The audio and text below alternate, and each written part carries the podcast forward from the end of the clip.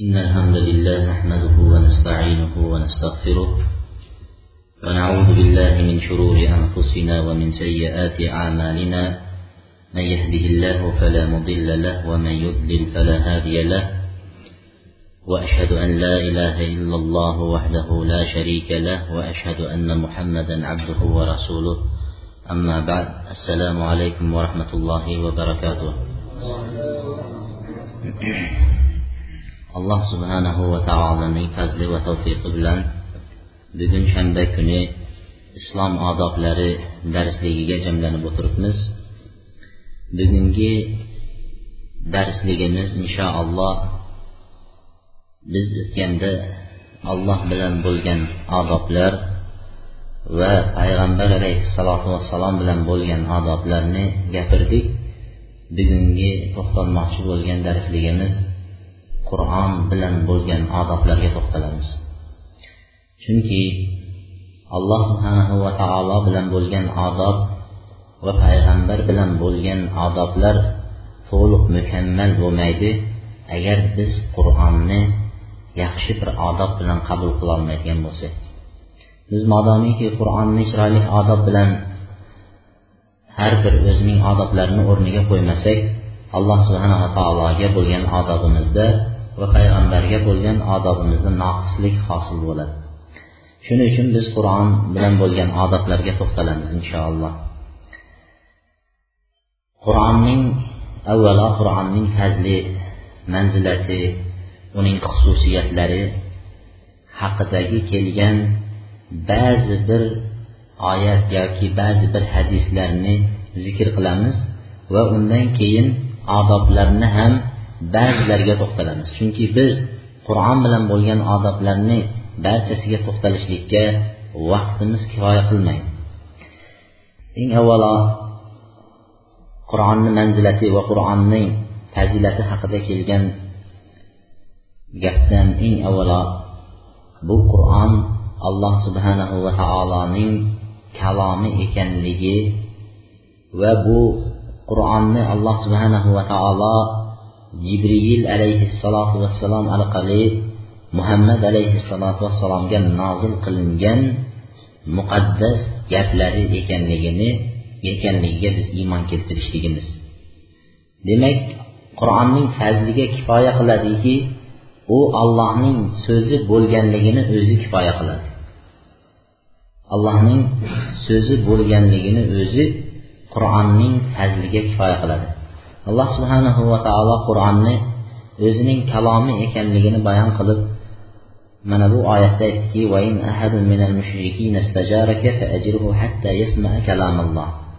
Allohning kalomini eshitguncha degan gapi demak bundan ma'lum bo'ladiki qur'on bu allohning kalomi ekanligi va eng gaplarning kalomning afzali bu allohning gapi. Va ikkinchisi bu qur'on bashariyat uchun hidoyat va nur qilib yuborildi. Demak qur'onning fazlidan ikkinchisi bu insonlar uchun nur va hidoyat bo'lganligi mana bu qur'onning fazliga dalolat qiladi va qur'onning manzilatiga dalolat qiladi. Alloh taolo aytdiki bu qur'on dedi eng go'zal yo'llarga boshlaguvchi hidoyat etuvchi narsadir dedi. Hidoyat demak qur'on hidoyat deb alloh taolo ismladi va uni nur dedi alloh taolo. Uchinchi qur'onning fazliga dalolat qiladigan hadislarda kelgan uchinchi payg'ambar sollallohu alayhi vasallamning muborak so'zlari sizlarning yaxshilaringlar dedi yana boshqa rivoyatlarda afzalinglar deganlar qur'onni ta'lim olgan qur'on o'rgangan va qur'onni ta'lim bergan kishi eng yaxshilaringizdir dedilar. Demak qur'onning fazli shundayki agar biz boshqa hunarlarni masalan kasblarni qiladigan bo'lsak uni ta'lim olib u ham ta'lim beriladi.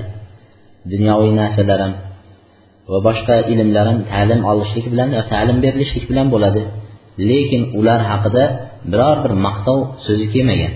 Ammo qur'onni ta'lim olishligi va uni ta'lim bergan kishilarni payg'ambar sallallohu alayhi vasallam maqtadilar.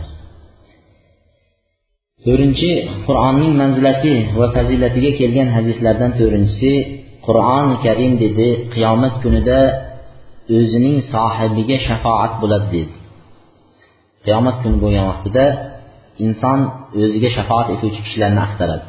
Mana shu vaqtda qur'on shafoat qiladi dedilar. Payg'ambar alayhissalom aytdiki iqroul qur'an sizlar qur'onni o'qinglar. Qur'on qiyomat kunida o'zining egasiga shafoat etuvchi bo'lib keladi dedilar. Beshinchi manzilati qur'onning fazlidan beshinchisi qiyomat kunida qur'on o'qishlik bilan insonning manzilati qiyomatdagi pog'onalari ko'tariladi. inson qiyomatda darajasi ko'tarilishligining sabablaridan biri qur'onning o'qishlik bilan ko'tariladi payg'ambar sollallohu alayhi vasallam aytdilarki يقال لصاحب القرآن اقرأ وارتقي ورتل كما كنت ترتل في الدنيا فإن منزلتك عند آخر آية تقرأ بها qur'on o'qiydigan kishiga qoriga aytilar ekanki qiyomat kunida o'qing der ekan va shu o'qib pog'onama pog'ona darajama daraja ko'tariling der ekan. Va sizning va dunyoda qanday siz qur'onni tartil bilan o'qigan bo'lsangiz shunday o'qing. Sizni manzilatingiz eng oxirgi to'xtagan oyatda ana shu yerda darajangiz to'xtaladi degan. Kim oxiratda o'zining darajasini manzilatini ulug' qilaman degan bo'lsa bu odam qur'on o'qishlikka va uni ko'p yod qilish o'qishni o'zi kifoya qilmaydi ko'proq yod qilishlikka harakat qilishligi kerak. Biz men shu misolni juda ko'p takrorladim yana shu yerda takrorlab o'tmoqchiman. Biz dunyodagi manzilatimiz odamlarning manzilatidan bir pog'ona orqada qolib ketishligidan qo'rqamiz. Shuning uchun dunyoda odamlardan orqada yashamasdan ulardan yo teppa teng yo ulardan orqaroq yashashga harakat qilamiz.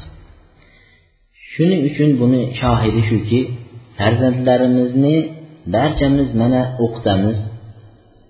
O'qimoq yozmoq chizmoq hisob mana bu narsalarni o'rgatamiz farzandlarga. Chunki boshqalardan ertaga kuni hayotda qiynalib yashamasligi uchun va o'zining manzilatini hayotdagi manzilatini bilib o'z o'rniga qo'ygan holatda yashashi uchun shunga biz jon jahdimizni beramiz. Bir nimani o'rganish uchun? Hisobni o'rganishlik uchun. Yoki chizmoq yozmoqni o'rganish uchun shunchalik umrlarimizni sarflaymiz. O'n yillab maktablarda o'qitamiz. Va undan keyin yanayam hayotda qiynalmasin deb olti yillab sakkiz yillab dunyo fanlaridagi o'qishlarga olib borib beramiz. Va buning o'zida qancha mablag'lar sarflagan holatda o'qitamiz. Lekin bu dunyodagi manzilatini topishligi uchun oxiratdagi manzilati uchun o'sha farzandni oxiratda hammadan orqada qolib ketsa ham unga biz bir nazar ham solmaymiz. O'zimizni ham oxiratda manzilatimiz qaysi oyatlarni bilaman va qaysi oyatlarni o'qigan vaqtimda shu yergacha to'xtalib qolaman. Oxiratda biror bir manzilatimni ko'taradigan sura yoki oyat yodlayapmanmi men deb o'zimiz uchun g'am tashvish ham qilmaymiz. Mana bunisi bir ajab ajablanarli.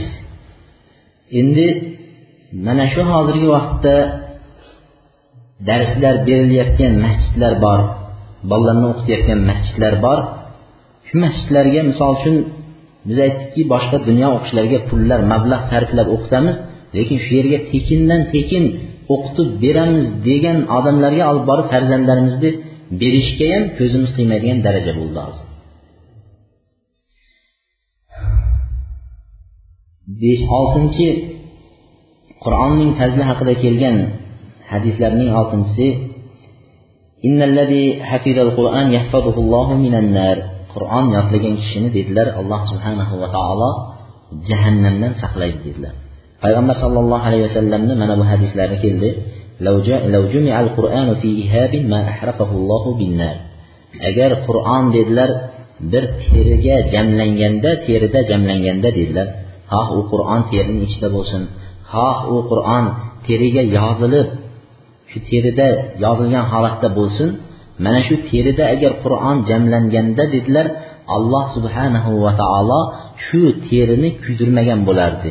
O't bilan kuydirmagan bo'lardi. O'tga tashlasa ham shu teri kuymagan bo'lardi deydi demak alloh taolo terini qur'on yozilganligi uchun yoki shu teriga qur'on o'ralganligi uchun kuydirmaydigan bo'lsa endi o'zining terisining ichidagi qalbiga mujassam qilgan qur'onni yodlab uni mujassam qilgan kishini alloh taolo albatta uni kuydirmaydi deganlar.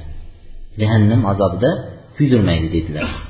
Demak qur'on yodlagan kishi haqiqatdan ham o'zining ichiga qalbiga mujassam qilib qur'onni joylaganligi uchun alloh taolo unga mukofotan jahannam azobidan saqlaydi dedilar.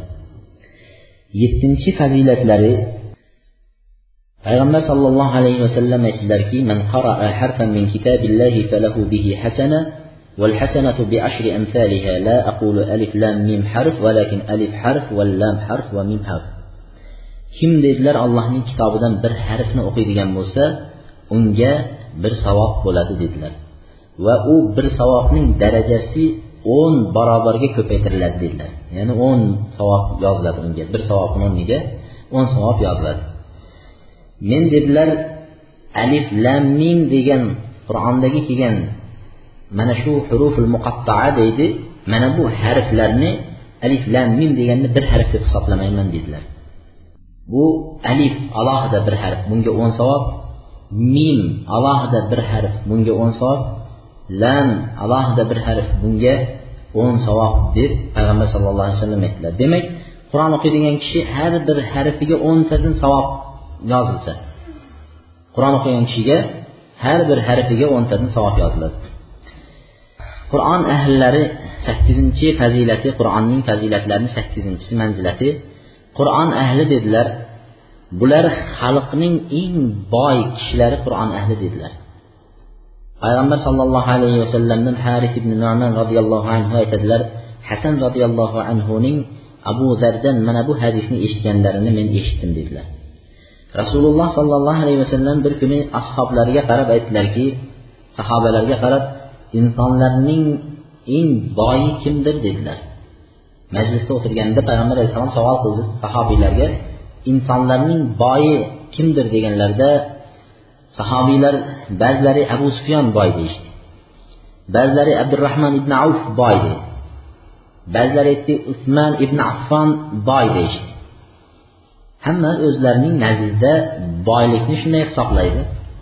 shunaqa qilib boy deyishgan vaqtlarida payg'ambar sallallohu alayhi vasallam aytdilar ولكن أغنى الناس حملة القرآن من جعله الله في جوفه yo'q dedilar eng boy kishi dedilar qur'onning hifz qilib uni ko'targan kishilar bular boydir dedilar va uni qarinlariga dedilar mujassam qilib joylashtirgan kishilar mana bular eng boy kishilar badavlat kishilar dedilar shuning uchun bu ollohning nazdida va payg'ambar alayhissalotu vassalomning nazdida boylik biz bilgan moddiy taraf bilan hisoblanmaydi. Bu oxiratni obod qilishlik oxiratning amalini ko'p qilishlik bilan ko'p qilgan kishi mana bu boy hisoblanadi. Oxirat amallaridan biri qur'onni yodlagan kishi mana bu boy deb payg'ambar sallallohu alayhi vasallam aytdilar. Bu qur'onning manzilatidagi va uning fazilati haqida kelgan ba'zi bir sakkizta manzilatlariga yoki shunga to'xtaldik. Endi biz o'zimiz aytganimizdek odoblariga qur'onning odoblariga to'xtalamiz. Qur'ondagi biz bilan biz qur'on o'qigan vaqtimizda yoki qur'onni eshitgan vaqtimizda uchraydigan odoblar bo'ladi. Yoki ba'zi xatolar bo'ladi. Xato odobdan tashqari chiqib ketgandan keyin o'sha xato sodir bo'ladi. Shularga to'xtalamiz. Azoblarning eng birinchisi qur'on o'qiydigan kishi ham qur'on o'rganadigan kishi yoki o'qitadigan kishi bularda ixlos bo'lishligi kerak. Ixlos. Birinchi topiladigan odob ixlos bo'lishligi kerak. Ixlos degani qur'on o'qishligi bilan qur'on o'rganishi bilan yoki qur'ondan ta'lim berayotgan kishi shu ta'limni berishlikda allohning roziligini maqsad qilishlik kerak. O'zini xalqqa tanitishlik.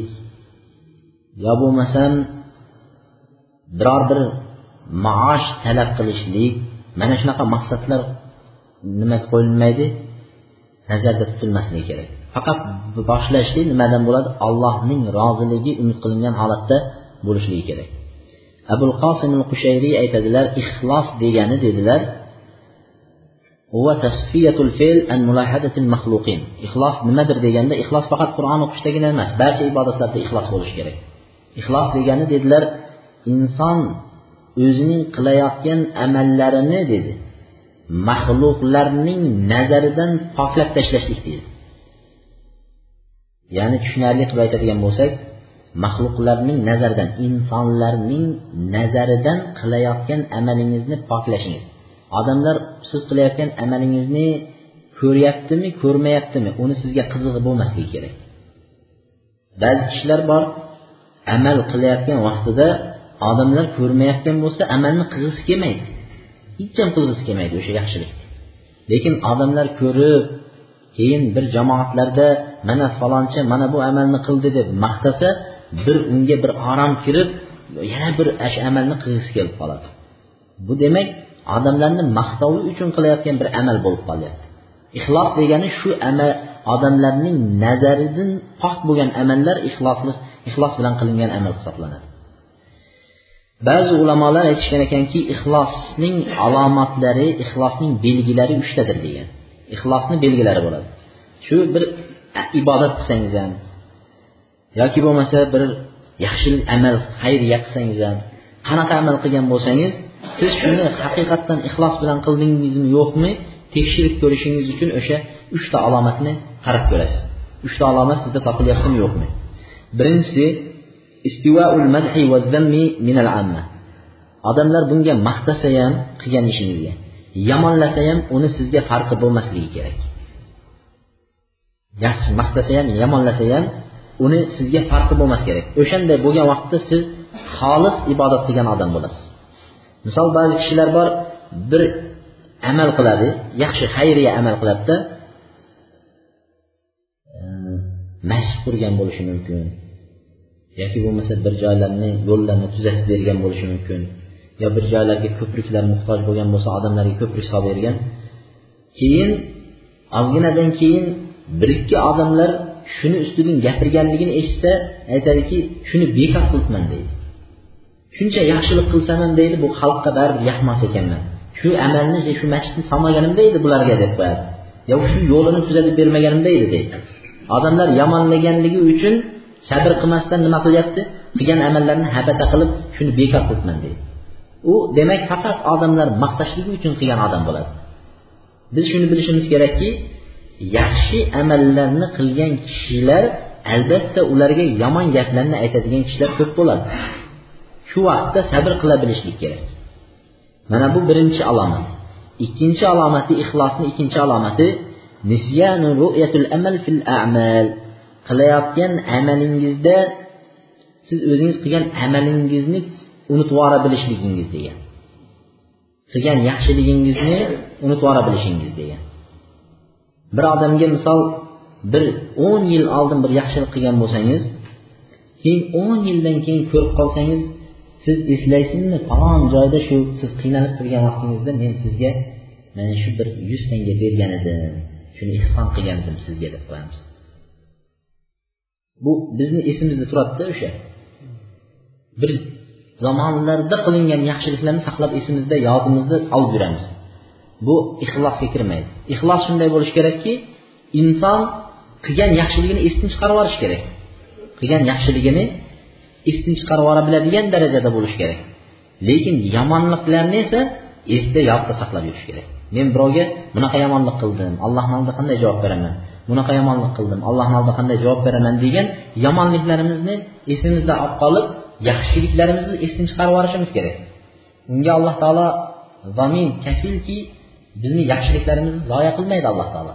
Uni biz hisoblab saqlab yurib allohni oldiga borganda men mana bu yaxshiliklarni qilganman deyishga muhtoj emasmiz uchinchisi ixlosga dalolat qiladigan alomatlarni uchinchisi qilgan yaxshilikni savobini oxiratda umid qilish. Dunyoda naq dunyo biz nima bo'lib qolgan? Badil deydi arablar. Almashishlik. Bir yaxshilik qilgan bo'lsak shuni evaziga undan ham yaxshilik kutib turamiz. Men falon yaxshilik qilganman bu shu yaxshilikka bir narsa yaxshilik qaytarish kerak deb kutib turamiz. Bizda almashishlik bo'lyapti bu yerda savob bo'lmayapti. Demak ixlosning alomati biz savobni qilganimizdan keyin u odamdan umuman yaxshilikni kutishimiz hojati yo'q. Biz oxiratda kutishimiz kerak. Mana bu uchta narsa topilsa demak ixlos bilan qilingan amal hisoblanadi. tushunarli bo'lsa kerak وينبغي أن لا يقصد به توصلا إلى غرض من أغراض الدنيا demak biz qur'on odobining birinchisi ixlos deyapmiz biz qur'onni o'rganayotgan vaqtimizda qur'on o'rganishdan maqsadimiz dunyo maqsadlardan dunyoning biron narsasiga erishishlikni nima qilmasligimiz kerak nazarda tutmasligimiz kerak Qur'onni o'rganayotgan vaqtda dunyodan biror narsaga nima qilishlikni bu narsalar agar qur'on o'rganib mol dunyo yig'aman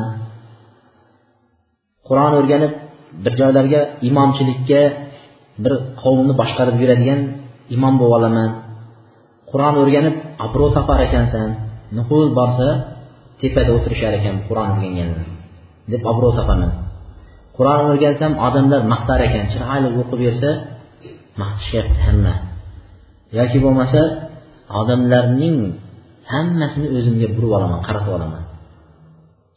Hammani o'zimga burib olaman degan maqsadlar bo'lmasligi kerak. Qur'on o'rganayotgan odamda shu maqsadlar bo'lmasi kerak. Ba'zi bir kishilar bu inshaalloh e, yuzdan bir yoki ikki uchrasa kerak. Lekin shunda ham aytib qo'yamizki ba'zi kishilar qur'onni juda sekin o'rgana boshlaydi. Hech kimga bildirmagan holatda o'rganishga harakat qiladida keyin aytadiki pensiyaga chiqqan vaqtda deydi darrov domla bo'lib olaman deydi. Hozir ish yurib turibdi endi qur'onni o'rganib domla bo'lganimni e'lon qilsam sal uyatli bo'lyapti deydi. Lekin deydi erta ishdan ketib pensiyaga o'tib ketishim bilan deydi bu rizqim ham to'liq mahallada ham obro' e'tibor masjidda ham birinchi safdaman shuning uchun deydi hozirdan qur'on o'rganib qo'yishim kerak deb ba'zilar shunday o'rganish niyat qilib kelganlar borda. Shuning uchun bu bu ilm foyda bermaydigan ilm. Alloh subhanahu va taolo shunday kishilar haqida aytdiki man kana yuridu harsal akhira nazid lahu fi harfi. Va man kana yuridu harsad dunya nu'tihi minha wa ma lahu fil akhirati min nasib. Kim oxirat mevasini ekinini umid qiladigan bo'lsa dedi uni ekinida biz ziyoda qilamiz dedi. Uni mevalarini ziyoda qilamiz. Kim deydi dunyo ekinini umid qilgan bo'lsa dunyoda mana shunga yetaman anonga yetaman degan narsalar bilan cheklangan bo'lsa dedi u umid qilgan narsalarini orzu qilgan narsasini beramiz lekin oxiratda uni nasibasi yo'qdir dedi. Demak domla bo'laman odamlarni ichida gapirib hammani o'zimga qarataman degan bo'lsa haqiqatdan shu maqsadga erishadi. Domla bo'lib shunday narsaga erishadi. Lekin oxiratda unga beriladigan ajr savobdan mahrum bo'ladi. Alloh taolo yana boshqa oyatda aytdiki kim naq narsani umid qilsa dedi oxirat nasiya. Naq narsa qo'limizga shunday topshirilgan dunyo bo'lsa ya obro' bo'lsa yo odamlar maqtagani naq. Lekin oxiratdagi maqtov allohni maqtovi oxiratdagi ajrlar nasiya bo'lib turibdida. Shuning uchun kim uni o'rniga naqini olaman desa dedi biz dedi unga xohlagan kishimizga xohlagan narsalarni naq qilib beramiz dedi. Ya'ni bu oyatni yaxshi tushunishimiz kerakki u xohlagan narsasini biz beramiz demayapti. U dunyoda mol topaman qur'on o'rganib obro' topaman degan bo'lsa deyapti shuni to'liq beraman demadi alloh taolo. Biz xohlaganimizga xohlagancha beramiz deyapti. Shuning uchun inson baribir ham mukammal qilib qo'lga dunyoda kiritolmas ekan undan ko'ra dunyoni umid qilmasdan oxiratda savobni olaman degan orzuni ko'proq nima qilishlik kerak? Payg'ambar sallallohu alayhi vasallam aytdilarki man ta'allama ilman yabtaghi bihi vajhalloh la yata'allamuhu illa liyusiba bihi gharadan min ad-dunya lam yajid arafa al-jannati yawm al-qiyamah kim dedilar allohning yuzi umid qilinadigan ilmni dedilar. Alloh uchun o'rganiladigan ilm. Dunyo ilmlari o'rganilaveradi. Dunyoga yetish uchun dunyo ilmlari albatta dunyo maoshini topish uchun o'rganiladi. Bunda ixtilof yo'q.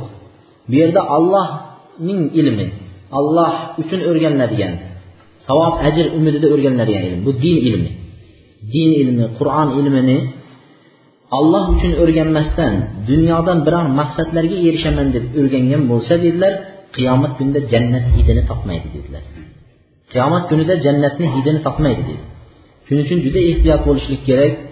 Bu ozgina ilm olib turib darrov odamlarning ichida o'zini ko'rsatishga harakat qilib tortishib talashib mana shunaqa qilib qilayotgan kishilar juda ehtiyot bo'lishi kerak.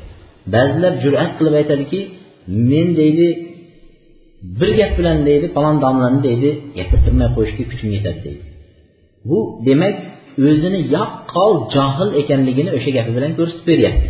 Ilmi yo'q johil ekanligini o'sha gapi bilan ko'rsatyapti imom shofiy rahimaulloh aytganlar men degan biron marta degan ahli ilm bilan talashgan bo'lsam tortishgan bo'lsam albatta uni yengganman degan. Lekin qachon johil bilan tortishsam degan albatta undan yengilganman degan. Ya'ni johilni bir gapini eshitgan vaqtida imom shofiy rahimalloh unga javob qaytarmasdan boshlarini egib qo'ya qolar ekanda. Bu johil yaqqol johil bu bilan bu hech narsa tushunmaydi bu. Degan maqsadda unga aytishni hojati yo'q. Shuning uchun haliginday men bu domlalar qayerdan chiqaryapti bu narsani? Men unga bunday hujjatim bor unday hujjatim bor. Bir gap bilan men uni nima qilaman? Shunday deydiganlar bo'ladigan bo'lsa buni bilish kerakki bu johil odam. Mana bular ilmni faqat o'sha birovni tortish uchun birovlarni gapirtirmay qo'yish uchun shuning uchun o'rgangan kishilar bo'ladi bular. Shuning uchun ularning ba'zi kishilarning savollari ham biz avvalgi birinchi darsimizda aytganimizdek foydasi yo'q lekin unga javob berishga odam shak qiladigan shubha qiladigan savollarni berishadi. Shunda savolni beradida juda bir rohatlanadi haligi odam javob berolmayapsa biz o'shanda biz zikr qilgan vaqtimizda shaytonning ayoli kim deb savol berishgan. Endi boya shunday savol beriladi odamlarda keyin o'sha domla shunga javob berolmasa u odam bir lazzatlanadi. Mana bunday odamlar demak bilishimiz kerakki ular dunni bu ilmni faqat birovlarni bir majlislarida gapirtirmay qo'yishlik uchun o'rgangan kishilar. Rasululloh sollallohu alayhi vasallam aytdilarki man talaba ilma liyumari bihi sufaha aw yukafira bihi al-ulama aw yasrifa wujuha nas ilayhi falyatabawwa maq'adahu minan nar. Kim dedilar ilmni ahmoqlar bilan talashish uchun o'rgangan bo'lsa dedi. Ahmoq kishilar bilan o'tirib olib ilmni talashlik shuning uchun ulamolar aytishadiki ilm munoqasha qilishlik shariatimizda bor. Bir odamga dinni noto'g'ri bo'lsa tushuntirish bor. Lekin u odam o'zining ahmoq fikridan hech o'zgargisi kelmaydi.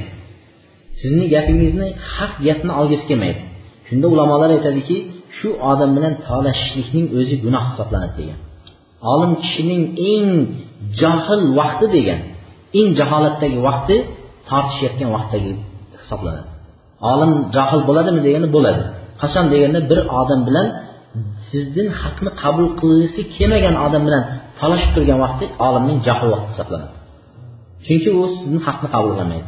Ikkinchidan buning zarari imom ajuriy rahimaulloh aytganlar agar degan bir odam sizdan haqni qabullamaydigan bo'lsa siz shu bilan tortishsangiz degan siz gunohkor bo'lasiz degan.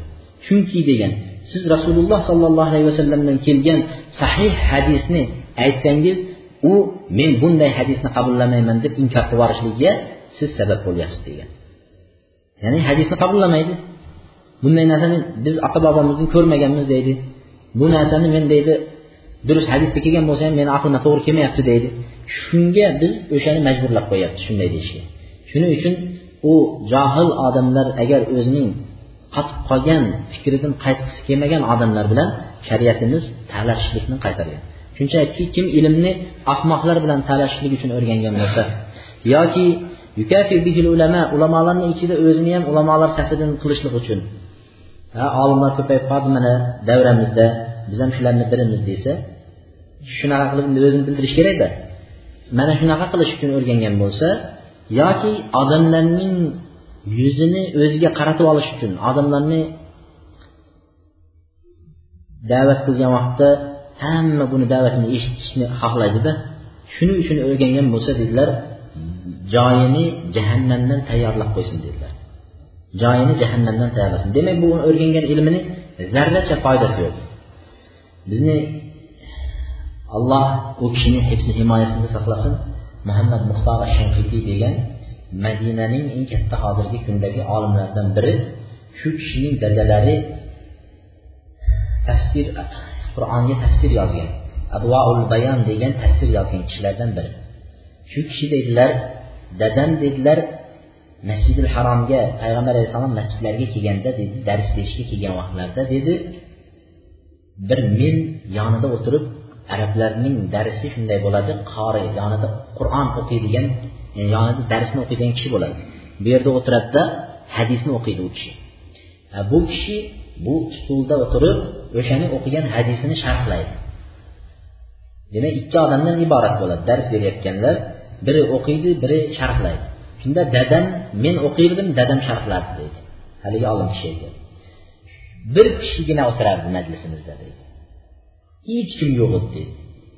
Shunda men dadamga aytdimki dada bu hech kim kelmayapti biz darsimizga. Shu darsni to'xtatib men uyda o'qiyveray siz sharhlayvering dedi. Ya'ni foyda yo'q shu yerga kelib dars qilishni foydasi yo'q deganlarida aytdiki yo'q bu yerda dedi farzandiga aytdiki sen adashmagin dedi. Malaklar dedi farishtalar dedi hozir bo'lib turibdi dedi. Va bizni amallarimizga amolimizga dedilar ajr savoblar bitilyapti dedi. Agar shu bir kishi kelmasa ham deydi men shu ustalda o'tirib deydi darsni davom etaveraman deydi. Darsni boshlaganlarda shunday bo'lgan. U kishi odamlarni o'ziga qarashlik uchun dars o'tmaganlar ularning niyatlari alloh o'sha narsani yozyapti shunga savob yozyapti degan maqsadda dars o'tishgan. Ana shundan keyin endi hozirgi kunda shu kishilarning majlisiga odamlar sig'may ketyapti hozir. Boshida shunday boshlagan kishilarni majlislariga hozirgi kunda odamlar sig'maydigan darajada odamlar tinglaydi darslardan foydalanishyapti shotibiy rahimaulloh aytadilarki axirul ashyai nuzulan min qulubis solihin hubbus sultati va tasaddur bu qur'on o'rganadigan yo qur'on dars berayotgan yoki o'zlariga domlalik degan taxalluslarni olg'isi kelayotgan kishilarga qarata aytdilarki shotibiy rahimalloh aytdilarki bu solihlarning qalbidan tushadigan narsaning eng yomon narsalarni eng oxirgisi dedi. Masalan inson birinchi kibrni tashlash kerak tavozuli bo'lish kerak yaxshiliklarga mana shunaqa lekin eng oxiri tushadigan mana bu insonning qalbidan tushadigan narsaning eng oxirgisi dedi bu sulta. O'zini odamlarni ustidan gapirib boshqarib yurishlikni yaxshi ko'rishligi dedi. Va dedi tasaddur dedi hammani oldida o'zini peshvoz peshqadam qilib ko'rsatish dedi. Shuning uchun biz alanda aytdikki ulamolarni odoblaridan emas agar ulamolar agar bir joyga jamlanishadigan bo'lsalar bular bizni hozirgi kundagi hayotimizga o'xshagan emas edi ularni hayoti. Biz hozir bir joyga jamlanadigan bo'lsak birimiz bir hadisni endi boshini boshlasak ikkinchimiz shu hadisni oxirida deydi bunaqa voqea bo'lgan deb qo'yadi. Ya'ni odamlarga o'zini bildirish kerak shu hadisni men ham bilaman. Bu boshini boshladi men oxirini tugatib qo'ydim deydi. Mana shunday darajada nima qiladi? Lekin olimlar unaqa qilmagan bu tasaddur. Ya'ni o'zini odamlarga nima qilishlik? Oldiga chiqarib ko'rsatib berishlik bo'lyapti shuning uchun ulamolarning hayotlarida ular aytardiki biri bir hadis aytardi deydi men u hadisni u falon yil avval yoki u ta'lim olishidan avval bu hadisni yodlab qo'ygan edim deydi. Lekin u hadisni aytgan vaqtda men go'yo birinchi marta eshitayotganday shundaymikan deb turib haliginga quloq tutardim degan mana bu tavozulik va o'zini manmanlik qilib ko'rsatmaslikni bir turi. Bizda bo'lsa hozir aytadiki boyagi aytganimizdek tezroq boya hadislarni aytib berib buni eshitganman buni o'qiganman buni ko'rganman deb turib darrov o'zimizni odamlarga biroz o'zimizni ko'rsatishga harakat qilib qolamiz قال رسول الله صلى الله عليه وسلم رجل تعلم العلم وعلم وقرأ القرآن demak bu qur'onni bizlar ixlos haqida birinchi odobi ixlos olloh uchun o'qimagan kishining qiyomatdagi azobini payg'ambar sallallohu alayhi vasallam aytdilar qiyomatdagi azobi uch kishilar dedi eng birinchi jahannamga yuzlari bilan sudralib olib kelib tashlanadigan kishilarni zikr qilganda bularning birinchisi dedilar ilmni ta'lim olgan uni ta'lim bergan qur'on o'qigan kishi dedilar. Uni olib kelinadi. Alloh bergan ne'matlarni tanitadi. Mana shunaqa senga zehn berdim yodlading o'rganding ne'matlarni aytadi. Ko'z berdim ko'zing bilan ko'rding barini zikr qilinadi. U odam tan oladi o'sha ne'matlarni. Sen shu qur'onni o'rganib nima qilding deydi. Degan vaqtlarida aytadiki men ilmni ta'lim oldim va uni ta'lim berdim va seni yo'lingda dedilar deydi men qur'on o'qidim deydi. Degan vaqtida aytadiki alloh taolo kadabda yolg'on aytyapsan deydi. Ilmni ta'lim olishingni maqsading olim ekan deyish uchun ta'lim olgansan deydi. Qur'on o'qishingdan maqsading judayam kuchli hofizi qur'on ekan deyishlik uchun sen qur'on o'rgangansan deydi. Faqat qiyla bu dunyoda aytildi. Dunyoda o'sha sen umid qilgan maqsad qilgan narsang berildi senga deydi. Olim ekan deyishdi xalq va hofiz qur'on ekan deyishdi. Bu dunyoda qolib ketadi. Bu taxalluslar bu ismlar bu atoqlar dunyoda qolib ketadigan narsa. Mana shu narsalar senga berildi deydi. Keyin alloh taolo buyurar ekanki yuzi bilan sudrab olib kelib jahannamga tashlanadi deydi. Demak birinchi anaqa jahannamga tashlanadigan kishilarning biri qur'on o'rgangan ilm o'rganganlar lekin ixlos bo'lmagan alloh uchun bo'lmagan. Ikkinchi odobi qur'on bilan bo'ladigan odoblarning ikkinchisi qur'onga amal qilishlik. Qur'onga amal qilish. Bizga mana shuni aytgan vaqtimizga vaqtimizda qiziq bo'ladi. Qur'onga qanday amal qilar ekan deb. Chunki qur'on arab tilida nozil bo'linganligi uchun biz qur'onni ma'nolaridan uzoq hayotda yashayotganligimiz uchun unga qanday amal qilishlik kerakligini ham bilmaymiz. Qanday amal qilishlik kerakligini ham bilmaymiz. Bir ajablanarlisi shundaki necha yillar davomida darslarga odamlar qatnashadi. Kitoblar o'qiydi. Qo'yingki o'zini domlalik darajasiga ham ko'taradi. Iloji bo'lsa ahli ilmlardan deb hisoblashga harakat qiladi o'zini. Shunday kishilarga men savol berdim. Amal qilish deganligi uchun aytyapmiz. Savol berdim jannatga olib kiradigan amallarni dedim. Uchta yoki to'rttasini aytingda va shuni dalili bilan ayting dedi. Hamma aytaveradi yaxshilik qilsang jannatga kirar ekansan namoz o'qisang jannatga kirar ekansan dalili bilan ayting dedi. Deganimdan keyin bittasini ham aytib berolmadi jannatga olib kiradigan amallarni bittasini ham aytolmadi demak biz bu agar qur'onga amal qilib sunnatga amal qilib yashaganimizda uni darhol mana bu amal jannatga kirgizadi o'z dalili qur'onda mana shunday degan alloh taolo va hadisda mana shunday degan alloh taolo deb aytgan bo'lardi ali ibn abi tolib rahim roziyallohu anhu aytadilarki ya hamalatil qur'on i'malu bihi fa innamal alim man amila bima alim wa wafaqa ilmuhu amalahu wa sayakunu aqwamun yahmiluna al-ilma la yujawizu taraqihim yukhalifu amaluhum ilmahum وتخالف سريرتهم وعلانيتهم يجلسون حلقا يباهي بعضهم بعضا حتى أن الرجل لا يبغض على جليسه أن يجلس إلى غيره ويدعه. أولئك لا تسعد آمالهم من مجالسهم تلك إلى الله. علي ابن أبي طالب رضي الله عنه عجائب من أبو جهلنا كنا.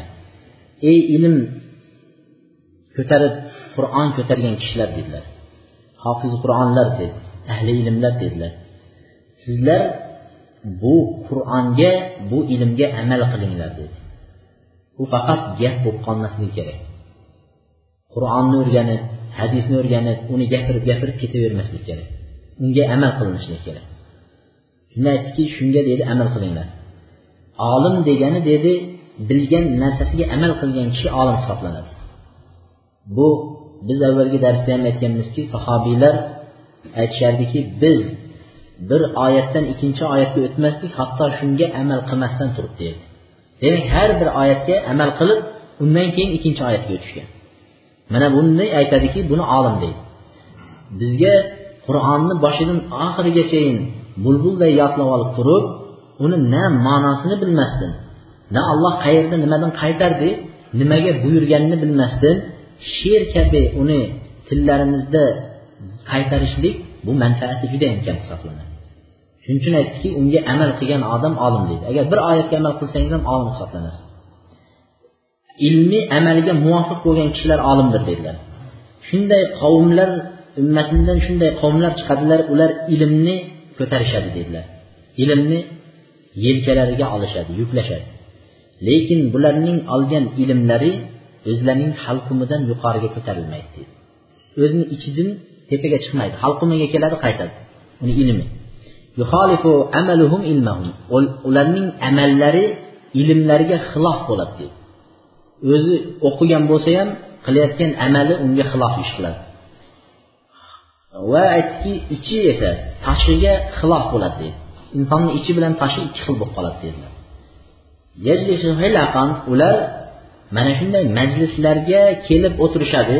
Ilmni o'rgangan kishilar majlislarga kelib o'tiradida ba'zilari ba'zilaridan faxrlanish uchun yig'ilishadi deydi majlisga boradigan bo'lsa tayyorlanib bugun majlisga falonchi kelar ekan desa shu majlisni judayam men undan ham kuchli qilib aytib bersam ja hamma lol qolsa deb ayta nima qiladi? Bir kishini bir joyda o'zim eshitganim qur'on o'qiganidan keyin sekin qur'on o'qib bo'lib duo qilingandan keyin sekin menga bu bir o'n ikki yil yo o'n besh yil avvalgi bo'lgan voqea e, sekin menga qarab turib aytdiki odamlar nima deydi ichkarida deyapti? Qur'on o'qib bo'lgandan keyin so'rayotgan narsani qarang odamlar nima deydi ichkarida deyapti? Ba'zilari ba'zilaridan faxrlanish uchun olingan ta'lim mana shunday bo'ladi. O'qib bo'lganingizdan keyin ketganingizdan keyin nima deyishdi deb orqadan so'rab qo'yadi. Mana bu aniq endi o'zingizni kim ekaningizni bilishingiz mumkin. Hatto rajul hatto shunday zamonlar keladi dedi. Bir kishi dedi o'zining huzurida halaqasida o'tirgan bir odam boshqa kishining halaqasiga borib ta'lim olayotganligini bilsa g'azabi chiqadigan bo'lib qoladi dedi. Bugun yerda o'tirgan bo'lsangiz ertaga men bunday qarasam meni darsimga misol uchun olaylik abdurofiyni darsi to'g'ri kelib qoldi. Meydagi odamlarni yarmi abdurofiyga ketib qolsa meni qalbimga e degan bir achinish kelib qoladigan bo'lsa shuni bilingki bu ilm olloh uchun qilinmagan ilm bo'ladi. Tushunarli bo'ldimi? Unga borib olganimi? Boshqaga borib oldinimi? Allohni ilmi uchun borayotgan bo'lsa uni farqi yo'q. Lekin hozirgi kunimizda ba'zi talabalar shogirdlarni yopishib falonchani darsiga borma tugunchani darsiga borma aynab ketasan buzilib ketasan bilmasa bo'lib ketasan deyayotganlar bilsinki oxiratini xarobasini chiqarganlarning bittasi shular. Mana bu ali ibn abi tolibni roziyallohu anhuning gaplariga mutlaq to'g'ri kelmaydigan amalni qilib ular uni ichida saqlash bu yoqda tursin tillariga ham chiqarib yuborayotgan kishilarning bittasi shular bo'ladi. Shuning uchun aytdiki agar majlisda o'tirgan kishining birontasi boshqa kishini majlisiga borib dars olayotganini ko'rsa shunga g'azab qilsa demak bular dedilar o'shanaqa alloh uchun olmagan kishilarning bittasi. Ularga shunday kishilarning amallari nima bo'ladi? Ularning amallari dedilar mana shu o'tirgan majlislardan yuqoriga ko'tarilmaydi deydi ya'ni qabul bo'lmaydi amal deydi dars o'tgan bo'lsa ham dars bergan bo'lsa ham dars olgan bo'lsa ham maqsad shunday bo'lgan bo'lsa ularning amallari qabul bo'lmaydi deydi وقد صح عن الإمام الشافعي أنه قال وددت أن الخلق تعلموا هذا العلم وأن لا ينسب إلي حرف منه imom shofiy rahimaulloh aytgan ekanki men mana bu xalqning hammasi mendan ta'lim olishligini umid qilaman degan orzu qilardim yaxshi ko'rardim hamma mendan ta'lim olsa lekin biron bir harf menga nisbat berilmasligini xohlardim degan. Kimda o'qigansiz desa shofiyda o'qiganman degan narsani aytmasa deydi ammo biz endi biz teskarisimiz biz faloncha ja ahli ilm ekan desa xabaringiz bormi uni men o'qitganman deymiz. Darrov o'zimizni bildirishimiz kerak shuni ta'lim berganligimizni faloncha judayam yaxshi qori ekan desa bizni qo'limizdan chiqqan bu deymiz tezroq xalqqa o'zimizni tushuntirib qo'yib bildirib qo'yishga harakat qilamiz shofiy rahimulloh aytdiki butun xalq mendan ta'lim olsayu lekin bir harfi menga nisbat berilmasa edi degan shofiyni oldimda hech kim aytmasa deganda عبد الله بن مسعود قال ينبغي لحامل القرآن أن يعرف بليله إذا الناس نائمون وبنهاره إذا الناس مفطرون va bihuznihi idan-nas yafrahun va bibukaihi idan-nas yadhakun. Abdullah ibn Mas'ud Qur'on o'qiydigan kishilarni haqida aytdiki, ular amal qilish, bizlar Qur'onni odobi, ikkinchisi amal qilishni aytyapmiz. Shular haqida aytdiki, Qur'on yodlagan hofiz Qur'onlar dedi. Ular kechalari odamlar uxlayotgan vaqtda kechalarida tanilib turishligi kerak deydi. Hamma uxlagan vaqtda Qur'on yodlagan odam kechasi turib ibodat qilish kerak. Odamlarga o'xshab hamma uxlasa ham uxlayveradigan bo'lmas kerak. Va kunduz kunlari deydi odamlar hammasi og'zi ochiq bo'lib yeb yursa bu kishi ro'za tutib allohga ko'proq ibodat qilib yurgan bo'lishligi kerak deydi. Ya'ni amal qilishligi kerak demoqchi. Va odamlar hammasi kulib xursand bo'lib yursa bu kishi xafa bo'lib o'zini g'amgin ko'rsatib yurishi kerak deydi. Biz hozir qur'onda g'amgin yurishlik va yurgan kishilar haqida to'xtalamiz. Va odamlar barchasi kulishgan vaqtda bu kishi yig'lagan yig'lagan asarlari yuzlarida ko'rinib turishi kerak deydi ertadan chiqqan vaqtida odamlar odatda uxlab nima qiladi? Bir odamni charchoq anaqalari ketib yuzlaridan bir rohat olgan hordiq olgan anaqa asarlar ko'rinadi. Lekin bu kishi uyqu nimadan kechasi chiqqan vaqtida yuzlarida shunday asarlar bo'lishi kerakki toliqqan qur'on o'qib va yuzlarida yig'lagan bir asarlar ko'ringan bo'lishligi kerak bizni zamonimizda shundaylar topilarmikan qur'on o'qiyotganlarni ichida demak qur'onni odoblari shunaqa قال رسول الله صلى الله عليه وسلم پیغمبر اسلام aytdiki سيخرج من أمتي أقوام يشربون القرآن كشربهم الماء shunday zamon tez kunda shunday mening ummatimdan bir qavmlar chiqishadi dedilar mening ummatimdan bir qavmlar chiqadi ular qur'onni go'yo suv ichganday ichib yuboradi deydi. Haqiqatdan ham aytamizmi? Faloncha qur'onni suvday ichib yuboribdi deymiz durustmi suvday ichib yuboribdi deymiz lekin biz aytmaymizki faloncha qur'onga shunaqa amal qilar ekanki bunaqasini ko'rmadim deb aytmaymiz. Suvday ichib yuboribdi deb aytamiz. Payg'ambar alayhisalotu vassalom ogohlantirgan toifaning bittasi qur'onni suv ichganday ichib yuboradi. Lekin amal hech qanaqa amal yo'q. ومن أهم ما يؤمر به أن يحضر كل الحضر من اتحاد القرآن معيشة يكتسب بها قرآن amal qilishlik uchun alloh taolo nozil qildi uni kasb qilib olib qur'onni shu bilan bola chaqa boqish uchun alloh taolo nozil qilmadi qur'onni qur'onni kasb qilib olib u bilan alloh taolo farzandlarni inson farzandlarni boqish uchun nozil qilmagan buni mana bu demak amal qur'ondagi kelgan amallarni e, odoblarni ikkinchisi amal qilishlik. Uchinchi odobi bizda uchramaydigan va ba'zi odamlar e, shubhalar solib qo'yadi. Bu uchinchi odobi qur'on o'qigan vaqtda yig'lashlik. Yig'lagan holatda bo'lishi kerak inson qur'on o'qiganda. Mana bu odoblarning uchinchisi. Ba'zilar bizda aytadiki bir kishi savol berdi yig'lasa tahorat ketadimi deb savol beryapti. O'zlarini haligi yig'lamasdan mahkam turishadi.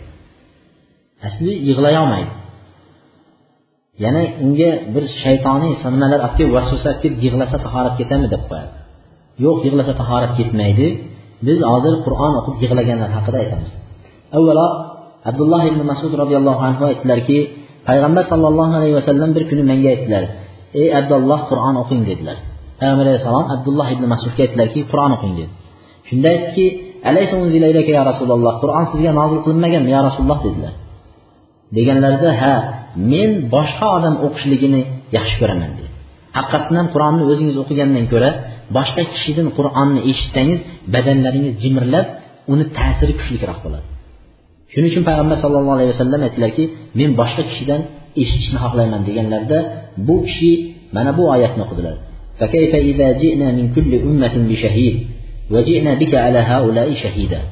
Biz hamma ummatlarga guvohlarimizni olib kelsak deydi. Nuh ad samud mana bu qavmlarni barchasiga payg'ambarlarni tushirganmiz shularni guvoh qilib olib kelsak va sizni esa mana bu ummatlarga guvoh qilib qiyomat kuni olib kelsak. Biz bilmasmiz eshitmasmiz yo robbana degan vaqtida mana bu payg'ambar sizlarga yetkazmadimi degan deyishlik uchun sizni guvoh qilib olib kelsa qanday bo'lar ekan?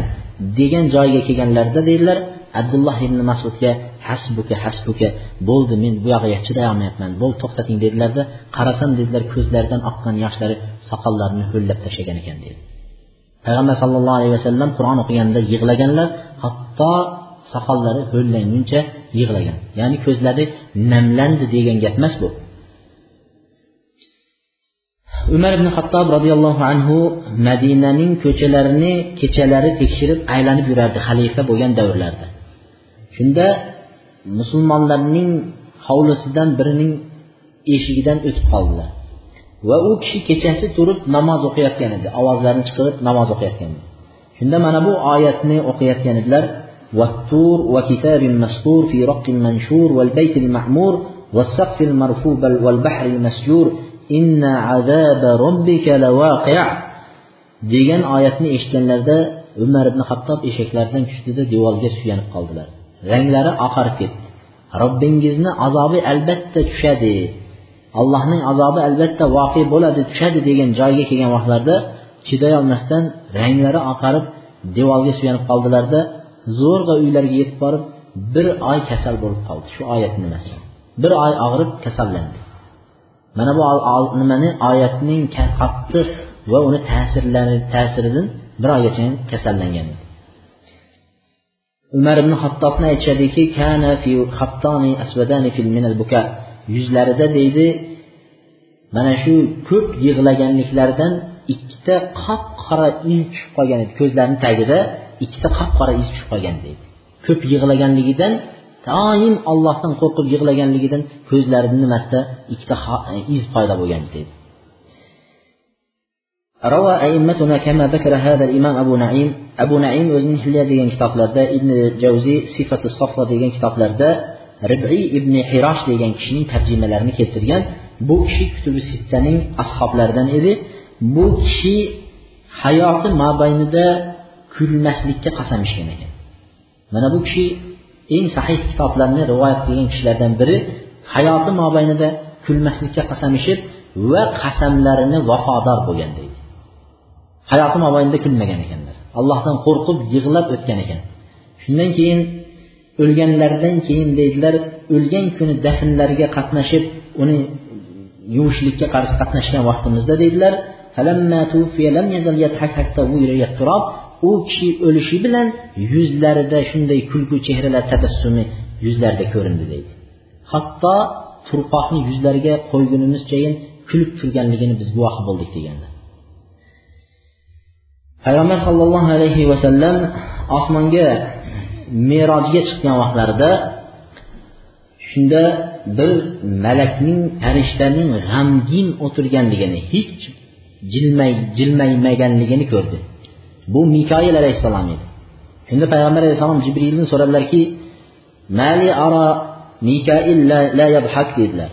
Mikoil dedilar nimaga kulmaydi hech kulganini ko'rmadim dedilar. Deganlarida jibril alayhissalom aytdilarki jahannam yaralgandan bu yog'iga mikoil kulmay qo'ygan dedilar. Jahannam yaralgandan bu yog'iga mikoil kulmay qo'ygan dedi. Farishtani kulmay qo'ygan. Aytishadiki olimlar ular xuddi jahannam ular uchun yaratilganday va bizga esa alloh taolo g'ufron mag'firatni kafolat qilib qo'yganda yashaymiz deydi ular shunchalik hayotlarida qo'rqib yashashadi biz bo'lsa hayotlarimizda jannatga bizga bir bashorat berilgandaqa yashaymiz. Utbatul Gulamning tarjimai holida keltiradiki innahu baka fi majlis abdul vahid ibn zayd tis'a sinin. Bu kishi abdul vahid ibn zayd degan kishining majlislarida 9 yil yig'lagan ekanlar shunda dars boshlanganidan boshlab utbatul g'ulom yig'lardilar deydi. Shunda abdul vahidga boshqa shogirdlari kelib aytdiki siz aytib qo'ysangiz darsda yig'lamasa chunki sizni ba'zi gaplaringizni biz eshitolmay qolyapmiz deganlarda aytdiki bu Allohdan qo'rqib yig'lasa men uni qaytarayimmi dedilar. Allohdan qo'rqib yig'lasa men uni qaytaraymi? Ana unday bo'lsa men qavmni qandayyam yomon da'vatchisi hisoblanaman deydi. Allohdan qo'rqib yig'lagan odamni yig'lama deyishlik bu eng yomon narsalardandir dedilar. Utbatul g'ulom alloh taolodan uchta narsa so'ragan ekan. Allohdan so'ragan narsasi uchta. Birinchi so'ragan narsalari allohdan juda ko'p yig'ini ko'z yosh so'ragan ekan. Chunki alloh taolo payg'ambar alayhissalom aytadiki aynani la ikki ko'zni jahannam o'ti kuydirmaydi degan. Shu ko'zlardan biri allohdan ko'p qo'rqib yig'lagan ko'z mana buni kuydirmaydi degan. Shuning uchun bu kishi so'radiki juda ko'p yig'lashlikni so'ragan. Bu kishi deydilar ko'zlari biron marta quriganini bilmaymiz deydi. Doim ko'z yoshlari bilan namlanib turgan deydi. Va qur'on o'qiganda chiroyli go'zal ovoz bilan o'qishni so'raganlar deydi. Qur'on o'qisalar yig'lardi va odamlarni yig'latar edi deydi. Va uchinchi so'ragan narsalari o'zi umid qilmagan o'ylamagan tarafdan rizq berilishligini umid qilgan deydi. Bu kishining hayotining oxirlarida biz avvalda zikr qilganimizdek falaj deydi shol bo'lib qoldi deydi. Qo'l oyoqlari shol bo'lib qolganlarda alloh subhanahu va taologa duo qilganda namozni vaqti bo'lgan vaqtida tahorat qilish uchun va namoz o'qib olishlik uchungina qo'limni va oyoqlarimni sihatli qilib qo'y deganlarda alloh taolo namozni vaqti kelishi bilan sholligi ketib soppa sop odam bo'lib qoladi. Darrov tahoratini qilib namoz o'qib bo'lishligiga yana shol bo'lib qoladi. Mana shunchalik duo qilsa duolari ijobat bo'ladigan kishi alloh subhanahu va taolodan menga hamma badanimni sog' qil deb so'radi. Chunki u kishi alloh taolo shuncha ibodat qilgan odamga bu dardni bekordan bekor bermadi. Bir hikmat bilan berganligiga iymon keltirgan edi va sabr qildi. Faqatgina ibodatimizga xalaqit bermasligi uchungina nima qildi? Shu ibodat vaqtida meni qo'l oyoqlarimni sog'aytir deb duo qilgan edi. To'rtinchi odoblar qur'onning to'rtinchi odoblari qur'onni to'rtinchi odoblari qur'on o'qigan vaqtda tadabbur qilib uni tafakkur bilan o'qishlik fahm farosat bilan tushunib unga oyatlarini tadabbur qilib o'qishlik. Alloh subhana taolo qur'onda aytadiki afala qur'on qur'onni tadabbur qilishmaydilarmi? degan oyatni keltirdi. O'ylab o'qib tadabbur qilmaydimi? Biz sizlarga shunday qur'onni nozil qildik kitobni nozil qildikki uni oyatlarini tadabbur qilishinglar uchun nozil qildik deydi alloh taolo. Shuning uchun abu zardan kelgan hadisda payg'ambar alayhissalom qur'on o'qiydigan bo'lsa oyatlarini takrorlab takrorlab qaytarib o'qir edi oyatlarni takrorlab takrorlab qaytarib o'qir edi abu hanifa rahimaulloh bir kunlari namozni boshladi. Xuftondan keyin qiyomillayga turib kechasi o'qiladigan namozni boshladilar shunda namozni zam surasiga إذا زلزلت الأرض زلزالها وأخرجت الأرض أثقالها وقال الإنسان ما لها يومئذ تحدث أخبارها deb mana bu oyatni boshladi shuni o'qib keldilarda kim zarracha misqol yaxshilik qilgan bo'lsa uni ko'radi zarracha misqol yomonlik qilgan bo'lsa uni ko'radi degan oyatga kelganlarida zarracha misqol agar yomonlik qilsak uni allohni oldida topadigan bo'lsak qanday qilib javob beramiz ekan deb yig'lab to azongachayin mana shu oyatni takrorlagan holatda yig'lab tong yomonlikni zarracha qilgan bo'lsa ham allohni oldida topadi degan oyatni takrorlab tong otguncha shuni takrorladi. Demak tadabbur qilishgan bular. Bular qur'onni bizga o'xshab she'r vaznida o'qib ketmagan qur'onni amal qilishgan tadabbur qilishgan. Keyingi beshinchi odoblari biz qisqa qisqa to'xtalyapmiz. Chunki avvalgi darsga o'xshab tugatolmay qolmasligimiz uchun. Beshinchi odobi qur'on yodlagandan keyin uni esdan chiqarib qo'ymaslik. Qur'on yodlab uni esdan chiqarib qo'ymaslik. Qur'on yodlab esdan chiqqan kishilarni payg'ambar sallallohu alayhi vasallam aytdiki bir odam dedilar qur'on yodlab keyin esidan chiqargan bo'lsa dedilar. Bu uning qilgan gunohi sababli bo'ladi deydi. Demak qur'onni yodlab esidan chiqib ketgan odam takrorlamaganimdan keyin chiqib ketdi qur'onni deb o'ziga oson bahona izlamasin. U gunoh qilganligi uchun qur'onni alloh taolo undan ko'tarib yuboradi. Alloh taolo aytdiki sizlarga qanday musibat tushadigan bo'lsa sizlarni o'zinglar qilgan ishinglar sababli bo'ladi dedilar. Qo'linglar bilan qilgan ishinglar sababli shu musibat tushadi dedi. Va eng katta musibatlarni biri qur'onni yoddan chiqarish dedilar. Eng katta musibatlarni biri qur'onni yoddan chiqarish dedi. Bir uzun hadisda payg'ambar sallallohu alayhi vasallamdan vorid bo'lgan payg'ambar alayhisalotu vassalom uyqudan turganlaridan keyin ertaman sahobiylar bilan o'tirganlarida ba'zi kunlarda ko'rgan tushlar haqida payg'ambar alayhissalom so'rardi. Bugun kim qanday tush ko'rdi deyapti. Va shu tushlarni ta'bir qilib gaplashardilar. Shunda bir kuni payg'ambar sallallohu alayhi vasallam aytdiki man e, sizlardan birontinglar tush ko'rdimi? dedilar. Sahobiylar indamaganlarida payg'ambar alayhisalom aytdiki men bir tush ko'rdim dedilar. Kechasi dedi ikki kishi menga keldi kechasi. Va meni olib dedilar ketishdi dedilar. Meni olib ketishdi. Va ular osmonga olib borishdi. Va u yerda dedilar bir joyga bordik deydi shunda va va inna atayna ala rajulin ketayotgan vaqtimizda yo'lda bir kishini chalqanachasiga yotqizib qo'yilganligini ko'rdim deydi tepasida bir kishi turib katta toshni olib uni boshiga tashlayapti toshni dedi va u tosh dumalab ketyapti bu kishining boshi mayda mayda bo'lib ketdi deydi. Keyin haligi borib toshni olib kelguncha boshi yana o'zi holatiga qaytarilyapti va u kishi yana boshini urib maydalayapti. Mana bu ishda davom etib turibdi dedilar. Va boshqa kishilarni ham gapirgan biz shunisini aytamiz. Shunda payg'ambar sallallohu alayhi vasallamga haligi ikki kishilar aytdiki biz sizga bu kishini xabarini beraylik dedi bu kishi kim ekanligini aytaylik dedilar aytdilarki أما الرجل الذي أتيت عليه يسلغ رأسه بالحجر فإنه الرجل يأخذ بالقرآن فيرفضه فينام عن صلاة المكتوبة أما deydi boshi parchalanayotgan kishi dedilar bu kishi qur'on yodlagan dedilar qur'on olgan qur'on yodlagan keyin u qur'onni amal qilmasdan kechalari o'qimasdan kunduzlari u qur'onga amal qilmasdan tashlab qo'ygan kishi edi dedi. Qur'onga amal qilmay tashlab qo'ygan kishi edi va bu kishini alloh subhanava ertalab bomdod namozlarida yoki bo'lmasa farz namozlaridan uxlab qoladi dedi. Demak qur'onni yodlab qo'yishni o'zi kifoya qilmas ekan. Qur'onni yodlab unga amal qilmagan va namozlardan uxlagan kishining qiyomatdagi bo'ladigan azobi mana shu dedi.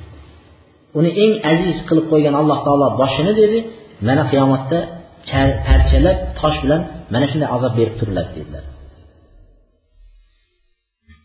Bu beshinchi odobi. Shuning uchun qur'on yodlayotgan kishilar yoki qur'on yodlagan odamlar qur'onni esdan chiqarishlikdan qo'rqishligi kerak. Oltinchi odobi qur'onni ehtirom qilishlik. Qur'onni ehtirom qilish. Hurmat qilish e'zozlashlik qur'onni. Ba'zi kuy musiqalar bo'lib turgan joyda qur'on qo'ymaslik kerak. Odamlar o'ynab kulishadigan joylarda qur'on qo'ymaslik kerak.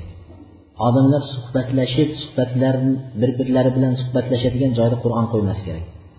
Bozorlarda qur'on qo'yilmasligi kerak. Qur'onni hurmat qilishlikning e'zozlashning bir turlari shu. Endi alloh subhana taolo aytdiki agar qur'on o'qilsa dedi sizlar unga quloq solinglar va ansitu va jim bo'linglar dedi. Shoyatki sizlar rahm qilinsanglar dedi. Demak qur'on o'qilgan vaqtida odam nima qilishlik kerak? Unga quloq solishlik kerak va jim turishlik kerak. Endi modomiki to'ylarda ba'zi joylarda qur'onni qo'yib qo'yiladi. Odamlar bu yoqda gaplashib o'tiraveradi. Qur'on go'yo bir musiqa singari vaqt o'tishi uchun qo'yib qo'yilgan bo'ladi. Yo bo'lmasa bir odam bir ish qilayotgan bo'lsa ish bilan mashg'ul bo'lsa shu ishda zerikib qolmasligi uchun qur'onni qo'yib qo'yadi. Bu ham qur'onni odoblariga to'g'ri kelmaydi. Qur'on qo'yilgan vaqtda o'zi odoblarni ulamolar biz hozir unga to'xtalmaymiz. O'tirib iloji bo'lsa qiblaga qarab tahorat bilan va unga quloq solib turilishligi kerak degan. U ish qilib yurgan vaqtda vaqtni o'tkazish uchun qur'on qo'yib qo'yilishligi bu mutlaq odoblarga to'g'ri kelmaydi. Tushunarli bo'ldi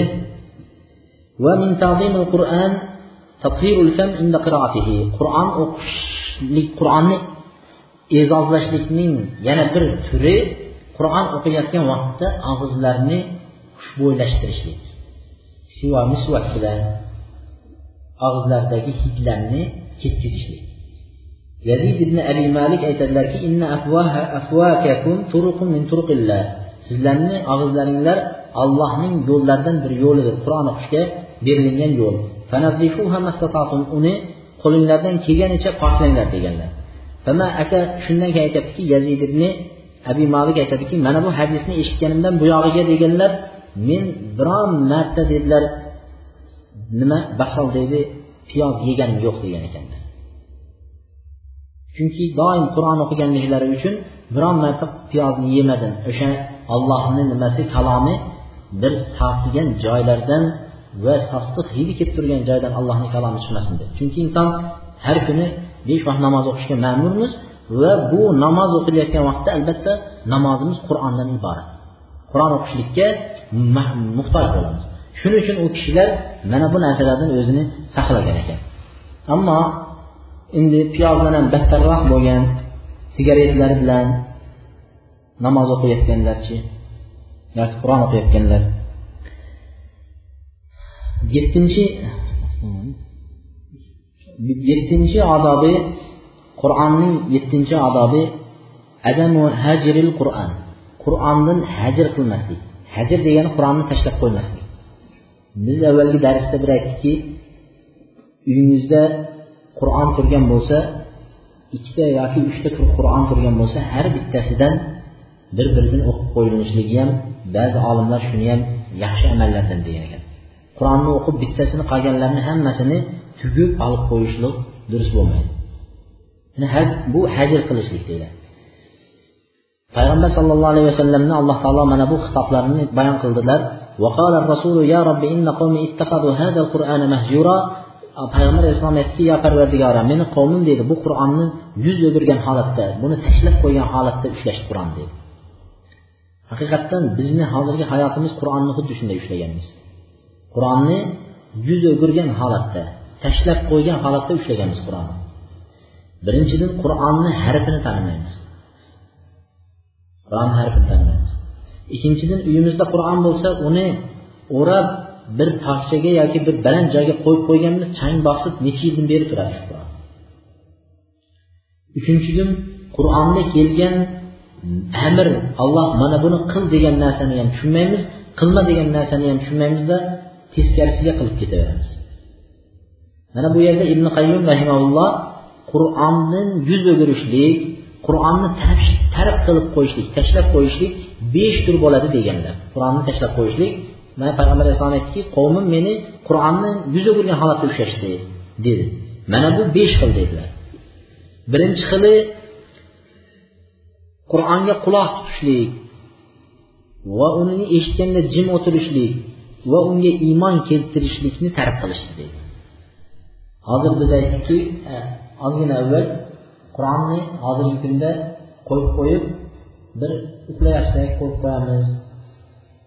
Unga alohida vaqt ajratib o'tirishga vaqtimiz yetmaydi.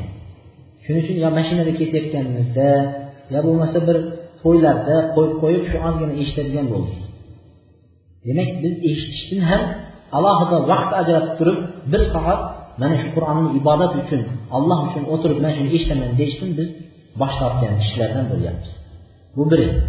Ikkinchisi ikkinchi turi qur'onni yuz o'girishni ikkinchi turi amal qilishlikdan yuz o'girdik qur'onga amal qilish va uni halol va haromini halol va haromini ajratib amal qilishdan yuz o'girdik mana bu ikkinchisi.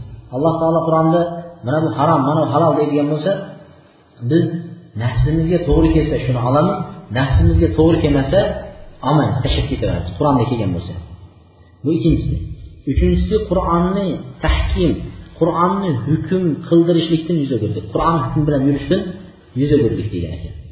Yuz o'girishni uchinchi turi. To'rtinchi turi qur'onni tadabbur qilib uni tushunishni yuz o'girdik haqiqatdan juda kam odam qur'onni tushunadi. Bo'lmasa qur'onni nima deb aytilayotgan bo'lsa ham tushunmaydi. O'tiraveradi. Qur'on bizga tiriklarga amal qilish uchun tushirildi. Qur'on tiriklarga amal qilish uchun tushirildi. Qur'on o'liklar uchun tushirilmagan qur'on. Biz qur'onni o'liklar uchungina bilamiz qur'onni o'lgan vaqtda borib qur'on o'qishlik qabristonga borib qur'on o'qishlik mana shu qur'on o'qiladigan joylar deb bilamiz. Men avvalgi nimada aytdimki qur'onni ba'zi bir ma'nolarini to'xtaldim. Ma'nolarini o'qib nazar soladigan bo'lsangiz biz o'qiyotgan odamlarni o'liklarni tepasida o'qiyotgan qur'onga agar shuning xonadoni shu ma'nosini biladigan bo'lsa shu yerdan bizni quvib chiqargan bo'ladi. Misol uchun namoz o'qimaydigan odamning mayitning xonadoniga boramizda biz aytamizki qur'on o'qiymiz.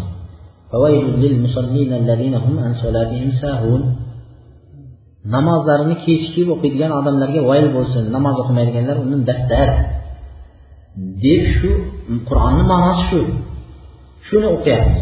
agar shuni ma'nosini shu xonadonning mayitning ahli bilganida aytardiki bizni mayitimizga vayl bo'lsin deyapsanmi deb bizni haydab chiqargan bo'ladi shu yerga الذين يكنزون الذهب والفضة ولا ينفقونها في سبيل الله فبشرهم بعذاب أليم zakotlarini bermasdan boy bo'lib zakotdan xabarsiz o'tib ketgan dunyo yig'ib tashlab ketgan odamlarga endi jahannamning alamli azobini berib qo'ying alloh yo'lida zakotlarni infoq qilmaganlarga Degan oyatlarni o'qigan vaqtimizda boy xonadonlar shunday o'tgan bo'lsa ular bizni quvib chiqargan bo'ladi.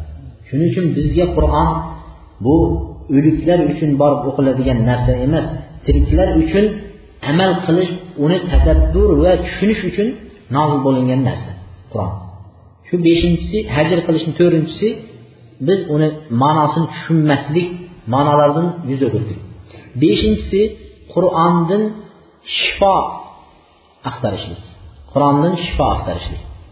Albatta alloh taolo qur'onni dedilar biz shifo va rahmat qilib nozil qildik deydi. Ba'zi bir kishilar va ba'zi bir kasallar qur'on o'qilishligi bilan yo o'zlariga qur'on o'qib yuzlariga va jasadlariga surishligi bilan shifo topar ekan. Endi biz bu narsani tashladikda qur'onni shifolanishda qayerdadir kelgan bir tabiblarmi taviblarmi shularning huzurlariga boradigan bir odatlar chiqardik bu qur'onni yuz nimasi? Qur'on odoblarining yettinchisi bu. Biz sakkizinchisi bilan tugatamiz chunki vaqt ham nihoyasiga yetganligi uchun sakkizinchi odoblari qur'onni xatm qilgandan keyin biz bir narsani tushunaylik. Qur'on xatm desa ana shu yerda bir darslikda xatm haqida ham gapirdik xatmi qur'on bor ekan deb turib o'liklarga xatmi qur'on qilib yurmanglar. Bu xatm degani qur'onni boshidan alif lam mim alhamdulillah robbil alamin va alif lam mim deb boshlab oxiri nas bilan qur'onni komil mana shu qur'on bo'ladigan bo'lsa mana shuni komil tugatishlikni xatm deydi. Ajablanarlisi shundaki bizdagi odamlardan necha marta mana shu qur'onni xatm qilib chiqqansiz desa hayotim mobaynida bir marta xatm qilganman deb aytolmaydi. Bu avvalgi olimlar va salaf solihlar uch kundan kamida xatm qilmagan ekan. Uch kun har uch kunda qur'onni tugatib bergan. Har uch kunda qur'onni tugatgan. Boshidan oxirigacha o'qib chiqqan har uch kun. Biz bizni hayotimiz juda uyaladigan hayot. Qur'ondan juda yuz o'girgan holatda yashayotgan bir jamiyatda turibmiz biz. Shuni qur'onni tugatgan vaqtlarida bular mana shu qur'onni tugatib bo'lishi bilan duo qilishardi. mana shu duoga boshqa kishilarning ham qatnashishliklari mustahab degan ekanlar endi bunga dalillar روى الدارمي وابن أبي داود بإسنادهما عن ابن عباس ibn abbos roziyallohu anhu ba'zi bir kishilarga aytar ekanki faloncha der ekan qur'on boshladi shu qachon tugatar ekan qarab yuring der ekan orqasida tekshirib yurar ekan qur'onni qachon tugatar ekan deb tugatgan vaqtida bugun mana tugatadi desalar yugurib kelib ibn abbosga xabar berar ekan bu kishi qur'onni bugun tugatadi deb xabar berardilar. Ibn abbos o'sha joyga borib haligi qur'onni tugatgan vaqtida billalashib duo qilar ekanlar. Duolarga qatnashadi. Qatoda aytadikiqatoda aytadilar agar qur'onni tugatsalar o'qib tugatgan vaqtlarida uyda ahlini bola chaqalarini hammasini chaqirib kelib turib o'tiringlar. Bugun qur'onni xatm qildik deb bir allohga duo qilaylik deb duo qilishardi deganlar. Endi mujahid aytadiki kanu yajtami'una inda xatmil qur'an yaquluna tanzilul rahma.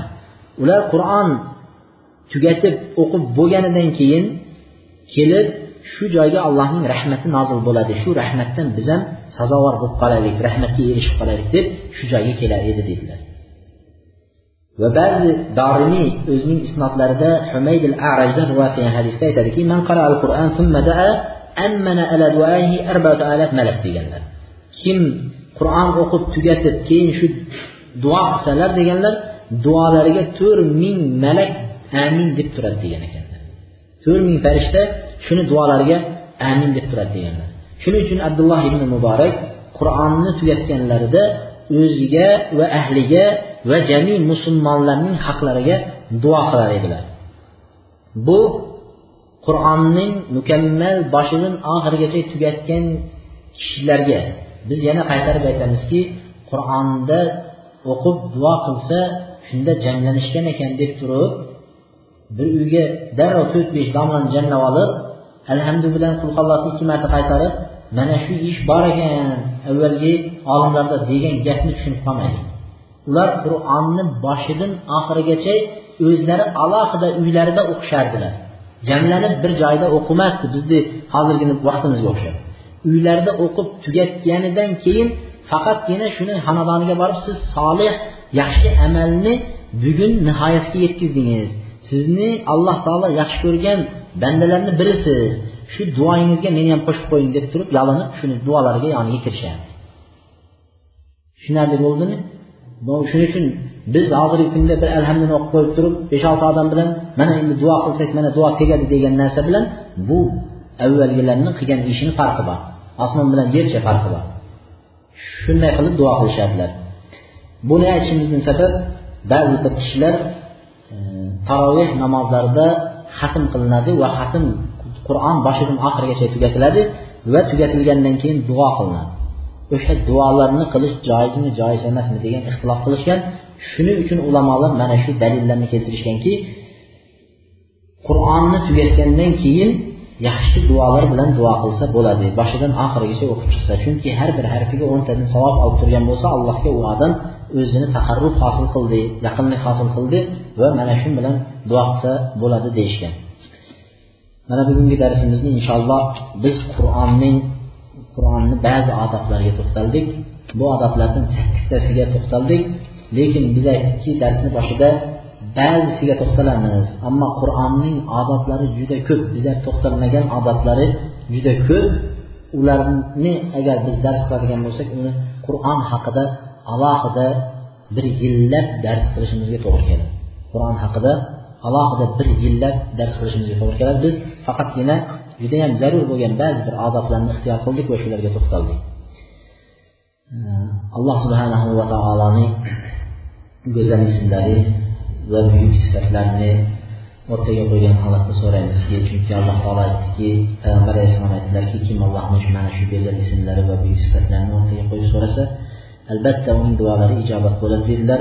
Biz mana shunday allohni ism va sifatlari bilan so'raymizki mana bu majlisimizni allohning o'zi rozi bo'ladigan majlislardan qilishligini va bu majlisdan avvalo o'zimni manfaat olishimni va qolaversa sizlarni alloh taolo manfaatdor qilishligini va qiyomat kunida mana bu majlisga shohid bo'lgan qatnashgan barcha birodarlarni alloh taolo gunohlarini mag'firat etishini va jannatda mana bu yerda jamlanganimizday jannatda birga jamlanishligimizni va hozir ham mana shu majlisdan turishimiz bilan alloh taolo aytganlaridek farishtalar aytar ekanki